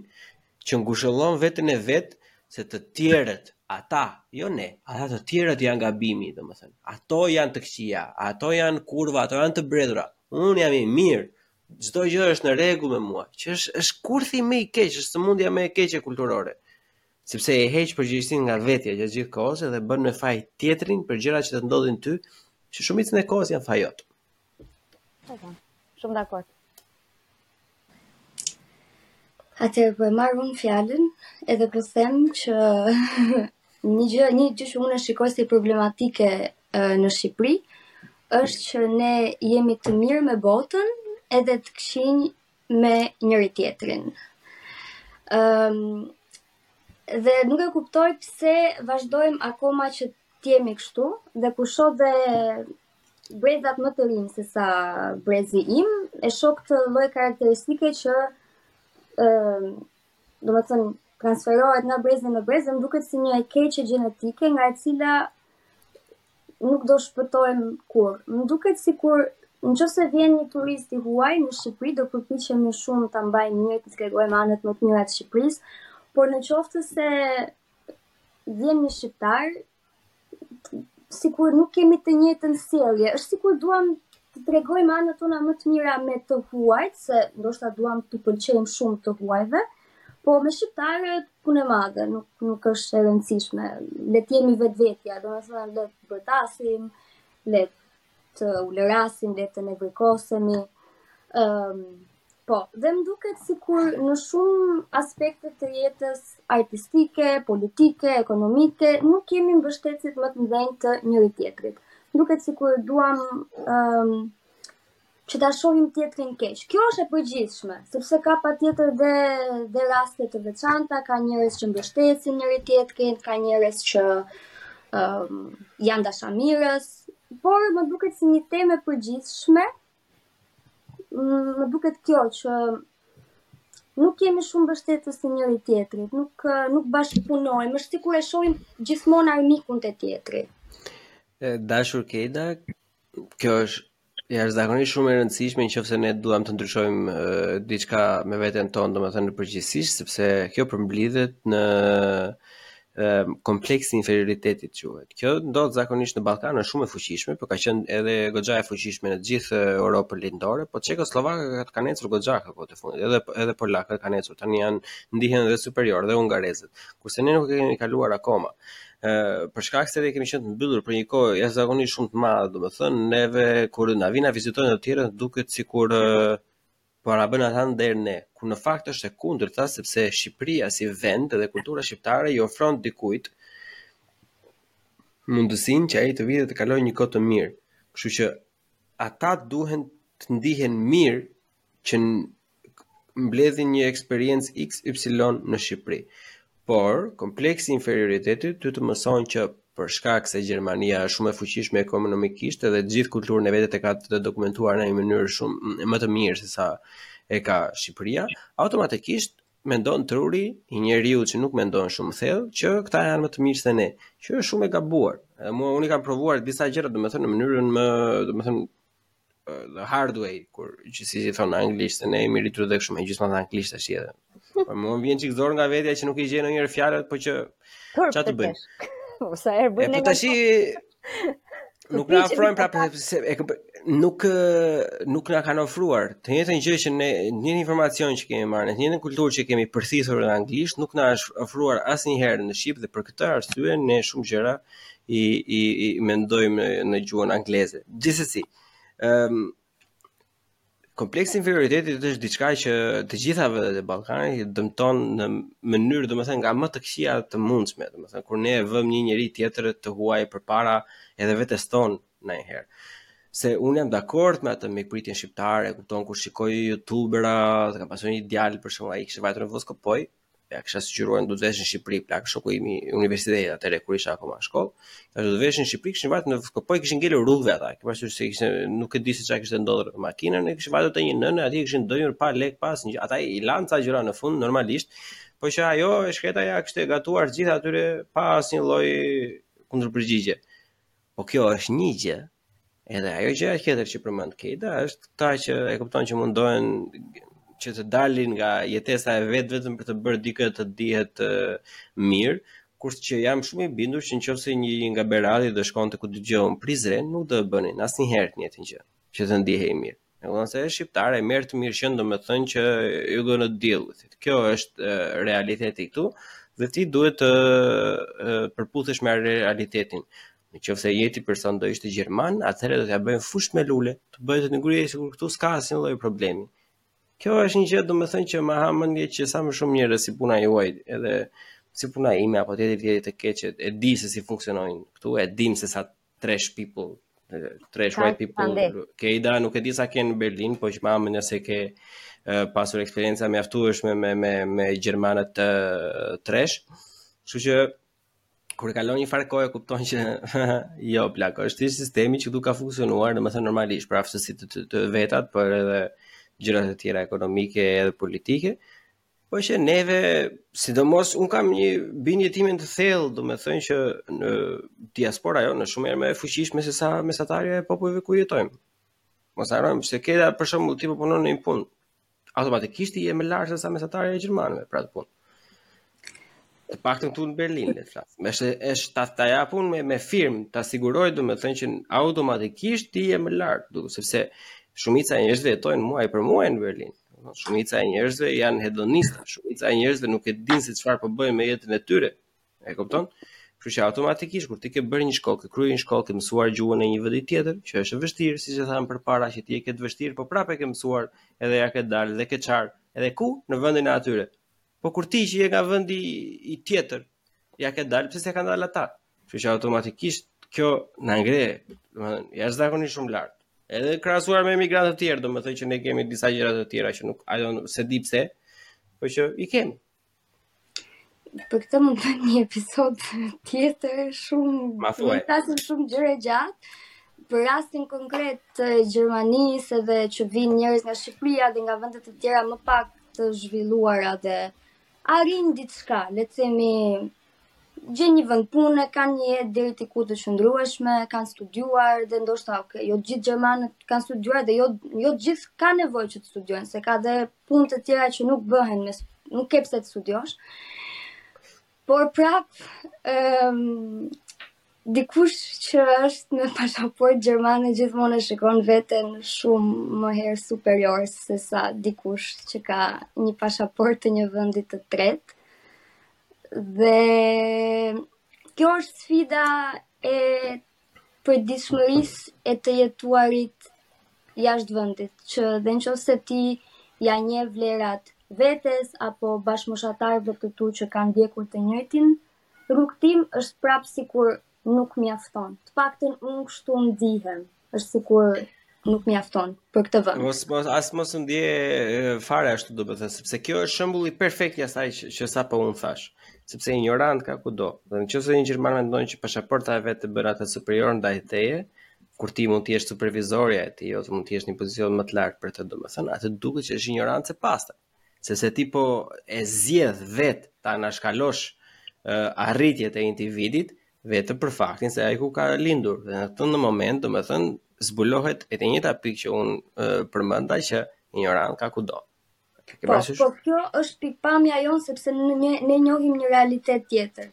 Por shumica e njerëzve, se po morëm Gjermaninë tani si shembull meqë s'ka problem. Po. Shembull shumë i mirë është. Po, ë Shumica e njerëzve që kanë jetuar këtu nuk kanë atë përvojën e një sistemi tjetër. Le të themi mund të kenë shkuar dhe të kenë bërë punë vullnetare në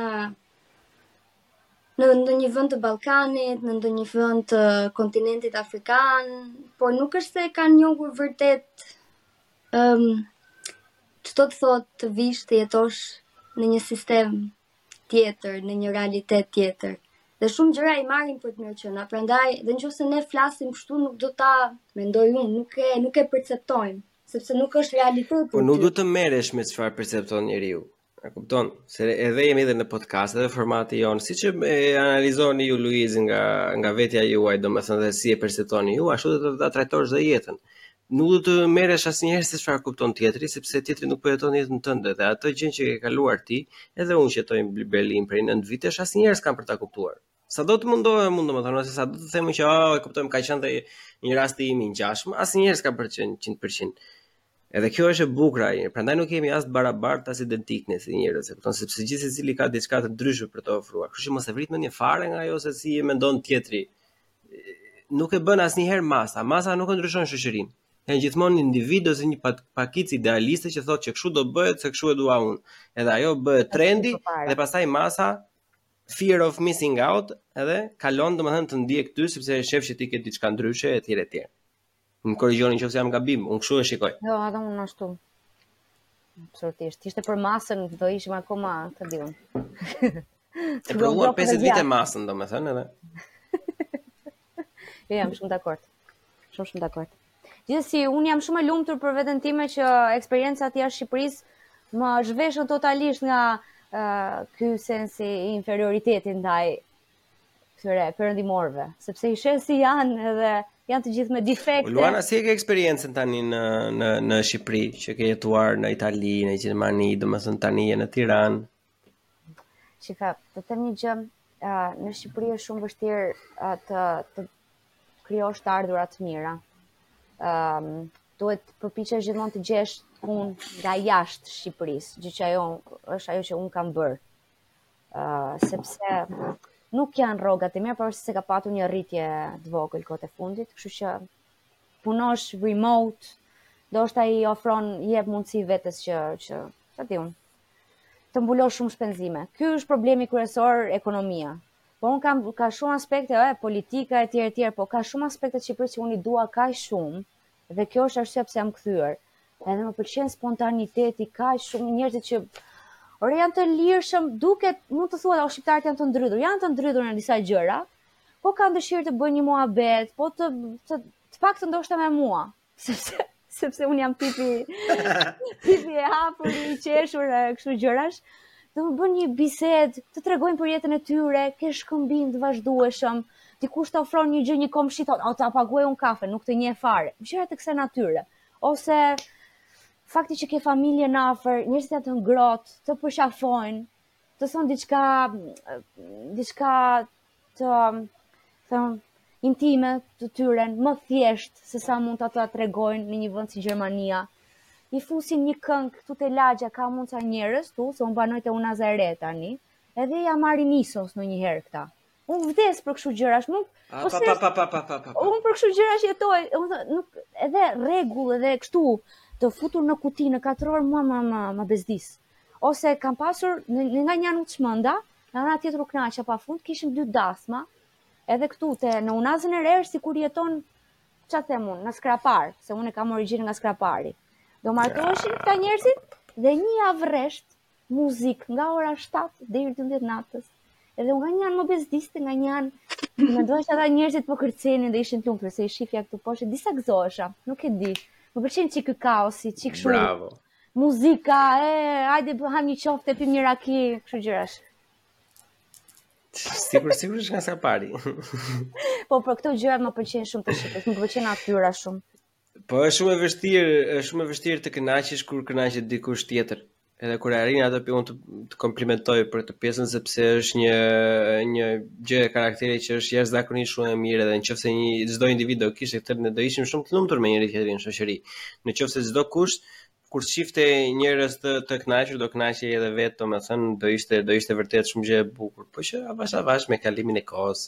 Po, ja. Është shumë gjë e bukur, është shumë gjë e bukur kur shikon njerëz që që janë duke u kënaqur, duke kënduar, duke bërë, edhe pse nuk ti je pjesë e saj, domethënë, Je automatikisht i kënaqur edhe ajo është aty kur e ke rritur, e ke arritur konfidencën e vetes, kur je i kënaqur me veten tënde dhe tani mendon që unë nuk po bëj asnjë gjë dhe këta janë të kënaqur me veten e vet, kështu që nuk nuk duhet të bëj asnjë gjë unë që t'i kënaq këta, dhe kjo është një gjë e mirë. Edhe mund vetëm të përfitoj. Unë e shikoj në këtë mënyrë që këto janë shumë pozitive që kemi në, në Shqipëri.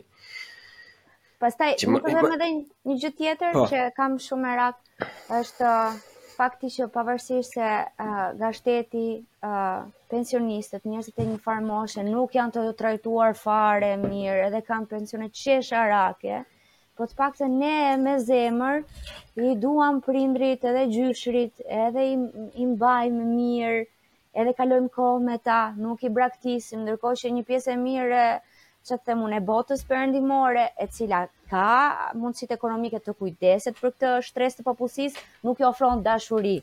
Edhe mua kjo më mërzit jashtë mase, sepse i kam, i dua, për mua njerëzit e një farë moshe janë si fëmijët. Edhe meritojnë të njëjtën respekt, dashuri, përkujdesje, edhe ngaqë ne bëjmë këtë me zemër, Nuk i braktisim, i mbajmë afër, është një aspekt që unë vlerësoj jashtë mase.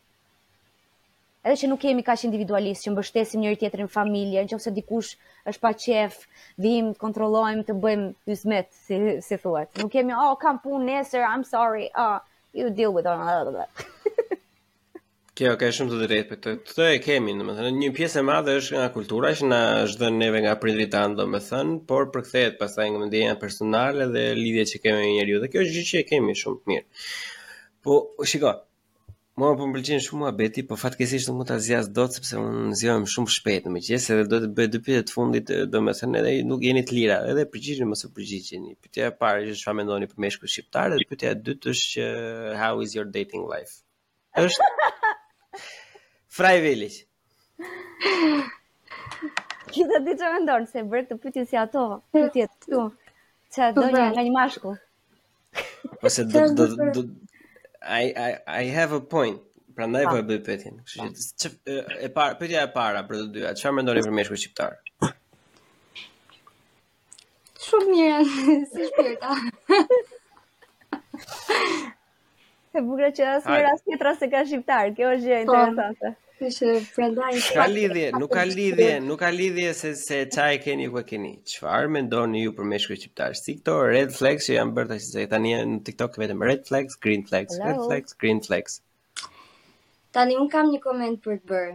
Uh, mua më duket sikur uh, meshkujt shqiptarë um, nuk mm, s'ta them. Si të të vi? Të bëjnë për vete në një mënyrë pak uh, smooth. Është sikur thjesht duan të të shkruajnë në uh, DM në Instagram ose janë shumë um, um, kur të afrohen janë shumë ekspresivë dhe më shumë ekspresivë se ç'duhet, është sikur. Hajde këtu ti moj. Ose Hajde këtu të çojmë, hajde këtu të. Ja jo, nejse një herë tjetër. Ë sikur sa e mirë që ke bo sot. Dhe ajo që thotë, jo, nuk dua të të flas, po ik moj dhe fillojnë direkt me ë ofendime. Pra,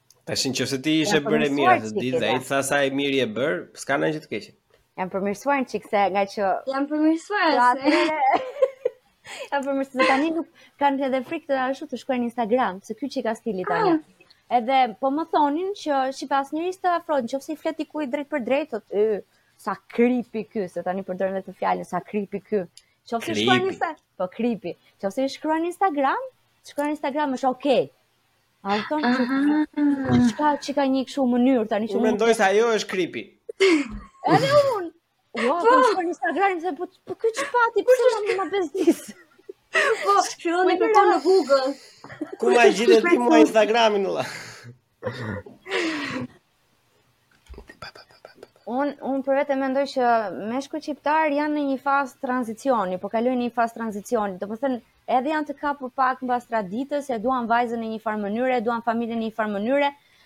Po edhe kanë bërë eksperienca se kanë dalë jashtë Shqipërisë, kanë emigruar, kanë parë filma, seriale etj etj. Edhe që kanë një përqasje çik më moderne, ndoshta duan një jetë pak më Janë si në mes. Nuk mund të nuk mund të thuash që ka një prerje, ndërkohë që në vitet 90 për shembull, ose në vitet 2000 fillim, ka pas një prerje tipike të djalit shqiptar. Tani mua më duket sikur është pak kështu në lëvizje. Nuk kështu mendoj se se është. As as kështu konservator e tradicional as shumë Të hapur... O, është aty ku duhet, rri që mos e këput. E kupton. Përshtatem me vajzën që kam përpara, sepse normalisht qëllimi i shumicës së uh, seksit mashkull është që të arrijë qëllimin e, you know, të, të vet. Kështu që do përpishet me të gjitha mënyrat t'i përshtatet vajzës që ka në uh, krah. Qoftë se ajo është nuk e nuk e përshëndes Luana me thënë të drejtën. Unë mendoj se të gjitha unë jam shumë kundra që të vendë të dalë dashi apo s'ka dashur atë ti s'ka dashur ka. Unë jam ja zakonisht shumë kundër kësaj. Në qoftë se unë mendoj që gjithsesi çdo njeri që do të nisë diçka do ta nisi për qejfin e vet. Edhe ta shofi ku do shkojë, asnjëherë nuk e mendoj se do të nisi one night stand. Unë jam shumë kundër kësaj si gjë, domethënë nga ana e meshkujve, nga ana e gocave mund ta bëjë një vajzë që mund të ketë një podcast, mund ta komentojë vetë këtë gjë, por unë jam shumë kundër kësaj. Sepse meshkujt domethënë e para fare kanë disavantazhin që qepen pas vajzave. Një.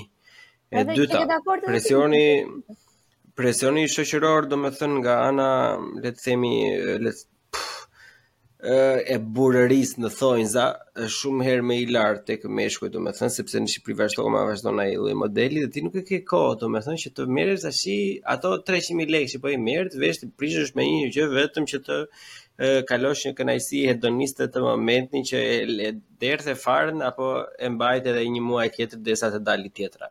Pa. Unë jam shumë kundër kësaj sepse gjëja që ndodh me këtë ti e bën një lloj disconnect e, e çlidh njeriun nga performanca. Sepse mm -hmm. Në qoftë se ti do kalosh një lidhje normale, edhe në qoftë se ajo lidhje do shkojë keq, atëherë ti do mësosh, e kupton, ose shpresoj të mësosh, mund t'jesh dhe gogol, që nuk mëson, bëhesh më keq, por që me shpresën që njeriu mund të mësojë, domethënë unë do dëshiroja më shumë që njeriu të kalojë eksperiencat, të shofi kush nuk i përshtatet, kalon një lidhje, shikon që shiko nuk bëhet la, e kupton, ose ku di unë ma nxiu jetën, ok, s'ka problem. Nuk ka problem. Kupton thjesht mbylle atë gjën, edhe mundohu ta analizosh të parën fare çfarë ishte gabimi jot. Hmm. Shiko, ti mund të mos kesh pasur asnjë gabim drejtpërdrejt, por mund të ketë pasur gabimin partneri ose partnerja, por në fakt ti ke pasur gabimin se ti e ke lejuar atë lloj individi të, të ndjehet aq si të ashtu rreth teje. Dhe mendoj që po të më kishte thënë mua dikush kur isha unë 20 vjeç, domethënë apo apo 17, do do do do isha shumë i qetë, domethënë, por normalisht disa gjëra duhet t'i provosh ë edhe vetë dhe Kjo lidhet drejtpërdrejt me atë që ti the gjënë e parë fare që ne kemi uh, një kulturë që duam të dukemi edhe ideja është që se sa i, i i kënaqur je ti si mashkull me veten tënde me partneren tënde, shumë meshkuj e, e, e kanë për turp ta thonë, edhe fokusohen te pjesa po kam pasur 3, 4, 7, 15 101, pastaj është si pompa ta, e ke parasysh që sa herë që kalon një nga treshi, kalon në domethënë, 100, 101, 102, 103, e ke parasysh që është, është thjesht patetike, sepse nuk është burrëria ajo, e kupton, mm. burrëria është edhe të kesh vetëm ë, një partnere të kenë, të kenë shkuar gjërat shumë, i burrëria është të jesh i sigurt, burrëria të jesh i urtë, mos të flasësh kur nuk duhet, mos të mos të japësh namin të tjerave, keq, ke kaluar një eksperiencë çka ke kaluar me iks edhe mos u merr më me llafe tani. Kështu se, e kupton? Se kjo është patetizmi i gjithë shoqërisë tonë, domethënë, se këta thonë që po llafet janë për femrat e të bëjnë llafe më keq se gratë vetë vallaj. Mm. Ke parasysh? Është oh. është sad. Është është why? Pse? E kupton? Po se të ke motër, ke një kushërirë, ke një komshie, një gjë tjetër e ti. Come on. Si do ndiheshe ti, domethënë që se gjëja që po bën ti tani, do ta bënte dikush për këtë personin tënd të zemrës. Nuk është nuk ja vlen.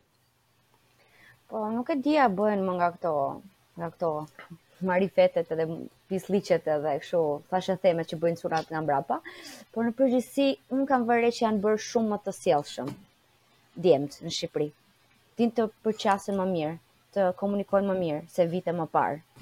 Ëm, uh, janë më me edukatë. Uh, Unë kam vënë një gjë ta, Luana, që kjo kjo mund të qëndrojë, nuk jam në dijeni, nuk kam dalë ndonjëherë me ndonjë mashkull, kështu që ti mund të dish më shumë për këtë, po që ë çka kam vënë re un, domethënë ose të paktën mbase të jetë Mbase kjo nga ana ime është pak injorant dhe nga mungesa e informacionit, po që un kam vënë re që femrat shqiptare janë bërë të paktën ato që janë me zë të lartë, domethënë që loud, janë bërë janë bërë pak kështu si si um, më cinike, e ke parasysh më më çunake, domethënë fillojnë që të të shajnë sa më shumë të tregojnë atë, domethënë independencën sa më shumë etj etj edhe nuk e di, më duket ndonjëherë sikur është fake, duket sikur dalin nga vetja, domethënë vetëm për të treguar që I'm a boss bitch, që janë këto gjëra tani, jo Nicki Minaj këto, e ke parasysh? Nuk e di që sa sa e vërtetë është, domethënë, Po është ashtu, është ashtu. Është vërtet ka më shumë nga këto personazhe të tilla, po si duket është është një fazë që kalohet nga të qenurit e mbyllur, duhet të jesh e po. ndrotur, dikush do kujdeset për ty që është vllai babai, edhe deri në momentin që ti me vërtet je e pavarur dhe e përgjegjshme për veten tënde, ke këtë fazën që nuk je akoma, po po përpiqesh të shkosh aty. Edhe you po. act like it. E ke parasysh bën sikur.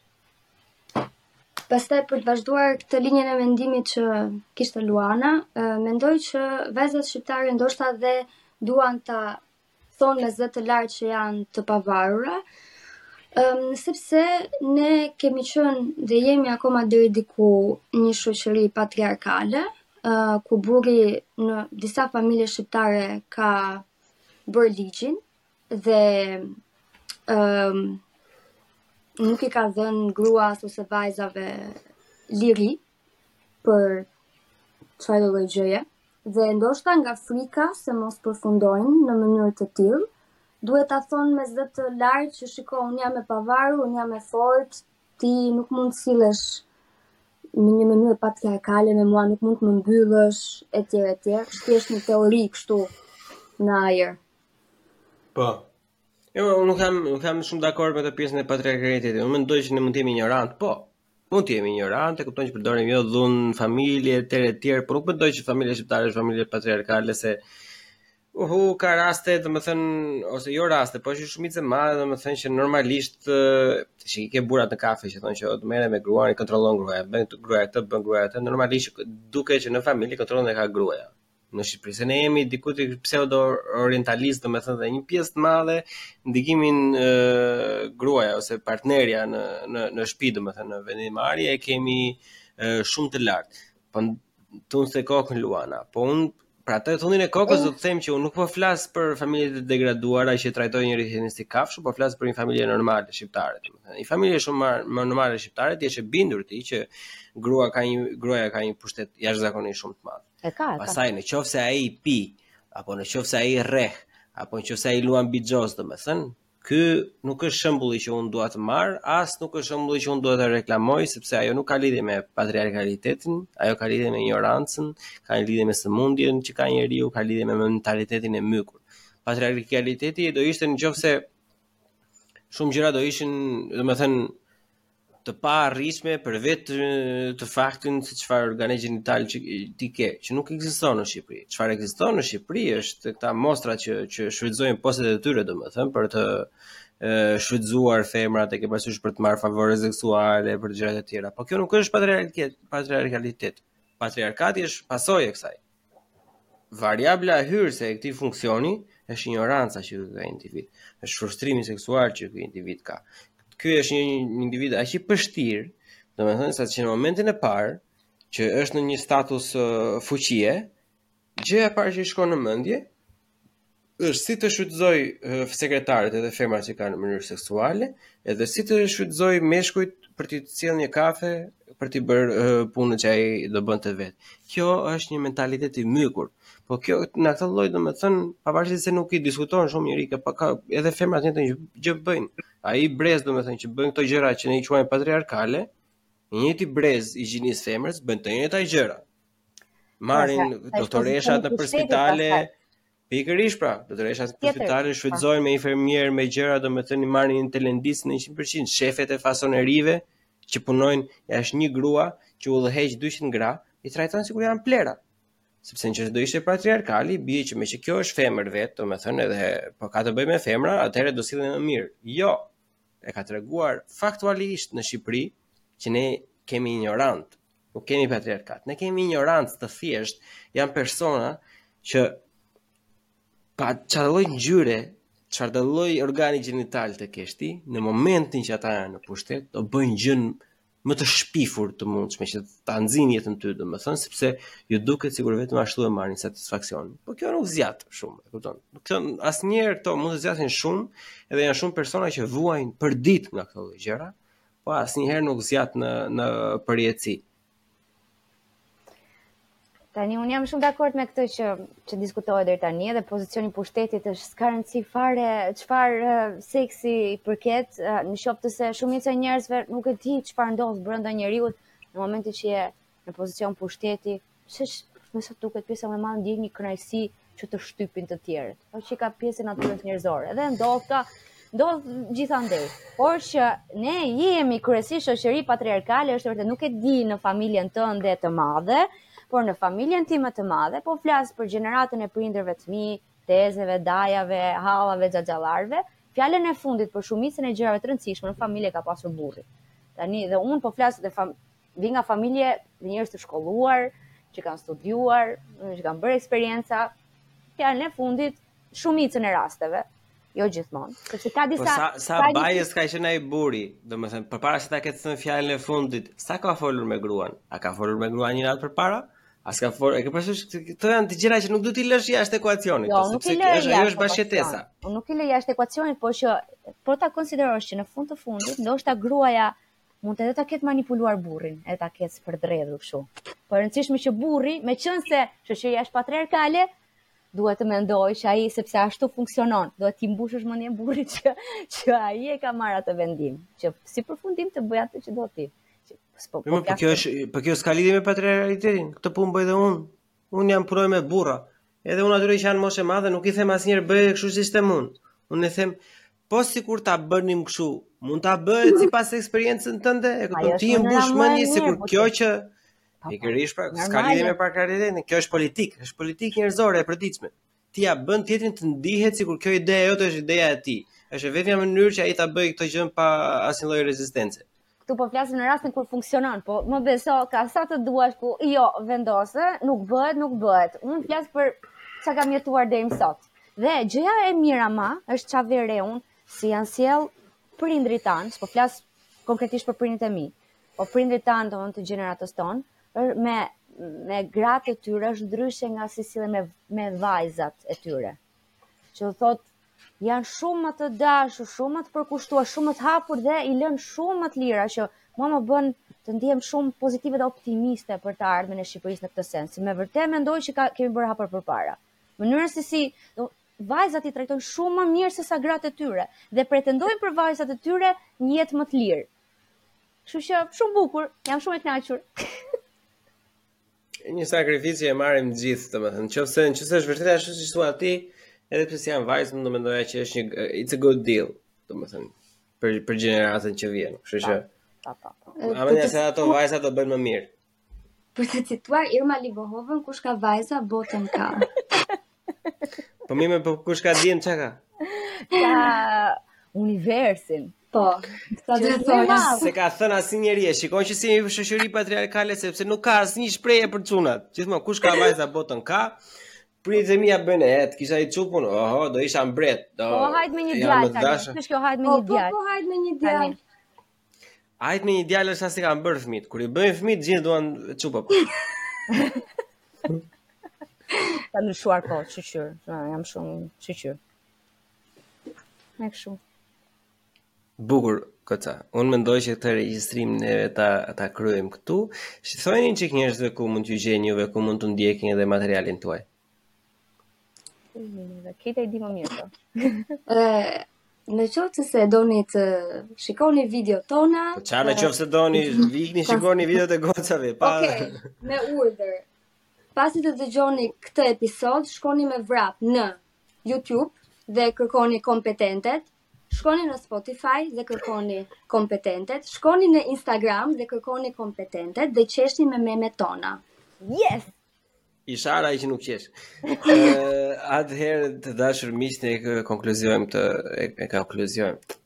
E konkludojmë këtë këtë episod, domethënë, shkoni ndiqni vajzat, të gjitha linket e të trejave gjërave që këta përmendën do i gjeni në description në YouTube edhe në Spotify, po në Spotify Spotify do të bëni copy paste që t'i gjeni. Kështu që kaloni në YouTube edhe klikoni direkt linket tuaja për të ndjekur gocat. Materiali është shumë i mirë, sidomos për juve që e pëlqeni atë lloj materiali, nuk do të zhgënjeheni asnjëherë. Ky episod për të gjithë juve që po e dëgjoni në YouTube në Spotify ka dalë minimumi një javë para në Patreon, që mund edhe juve mund të bëheni pjesë në çdo kohë. Deri herën tjetër ia kalofshi shumë bukur edhe gjithë të mira. Paçi. Ju pafshim. Buçim në bu. CH, CHI. Bu. CHI. Ne po, po.